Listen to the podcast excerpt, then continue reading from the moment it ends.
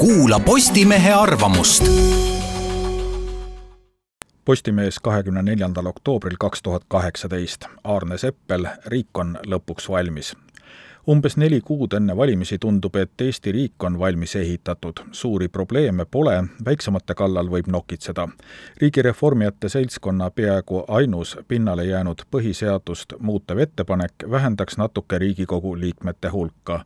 suurematest erakondadest on sotsiaaldemokraadid ainsad, kel praegu veel lööklauset pole. üleskutse mõnda parteid välistada on sama adekvaatne, kui öelda kõva häälega ligi kahesajale tuhandele Eesti elanikule teie arvamus meid ei huvita.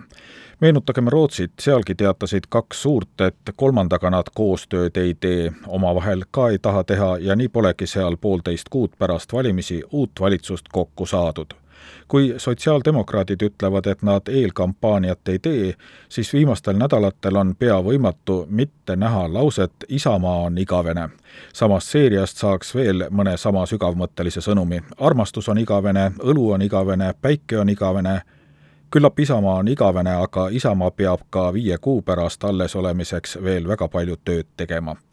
valijana aga ei oska selle peale suurt midagi kosta. Keskerakond ilmselgelt naudib võimul olemise tunnetust. Reformierakonnal tekkis piinlikku võitu samastumine riigiga pikkade aastate jooksul. Keskerakond sai juba paari aastaga aru, et nemad ongi riik õiglane riik kõigile kõlab toredalt, aga kas kriminaalkorras karistatud peaministrierakonna valitsetav riik on praegu ebaõiglane? ma usun, et normaalne inimene tahaks riigiga kokku puutuda nii vähe kui võimalik ja nii palju kui hädasti vajalik. ja mis mõttes kõigile õiglane riik?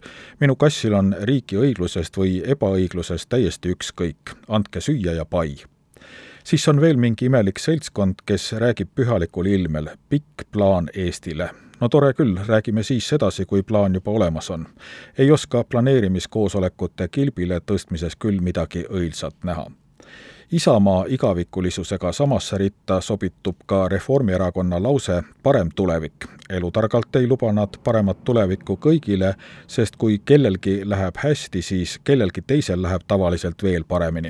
mida parema tuleviku all mõeldakse, jääb segaseks. pakuks veel mõne hüüdlause. parem armastus, parem õlu, soojem päike, rohkem raha. Eesti keele lausemoodustuse alused on kõige paremini selgeks saanud EKRE. muudame koos Eesti elu paremaks. aktiivne, kaasav, nagu oleks aga ikkagi. mida see paremaks tähendab?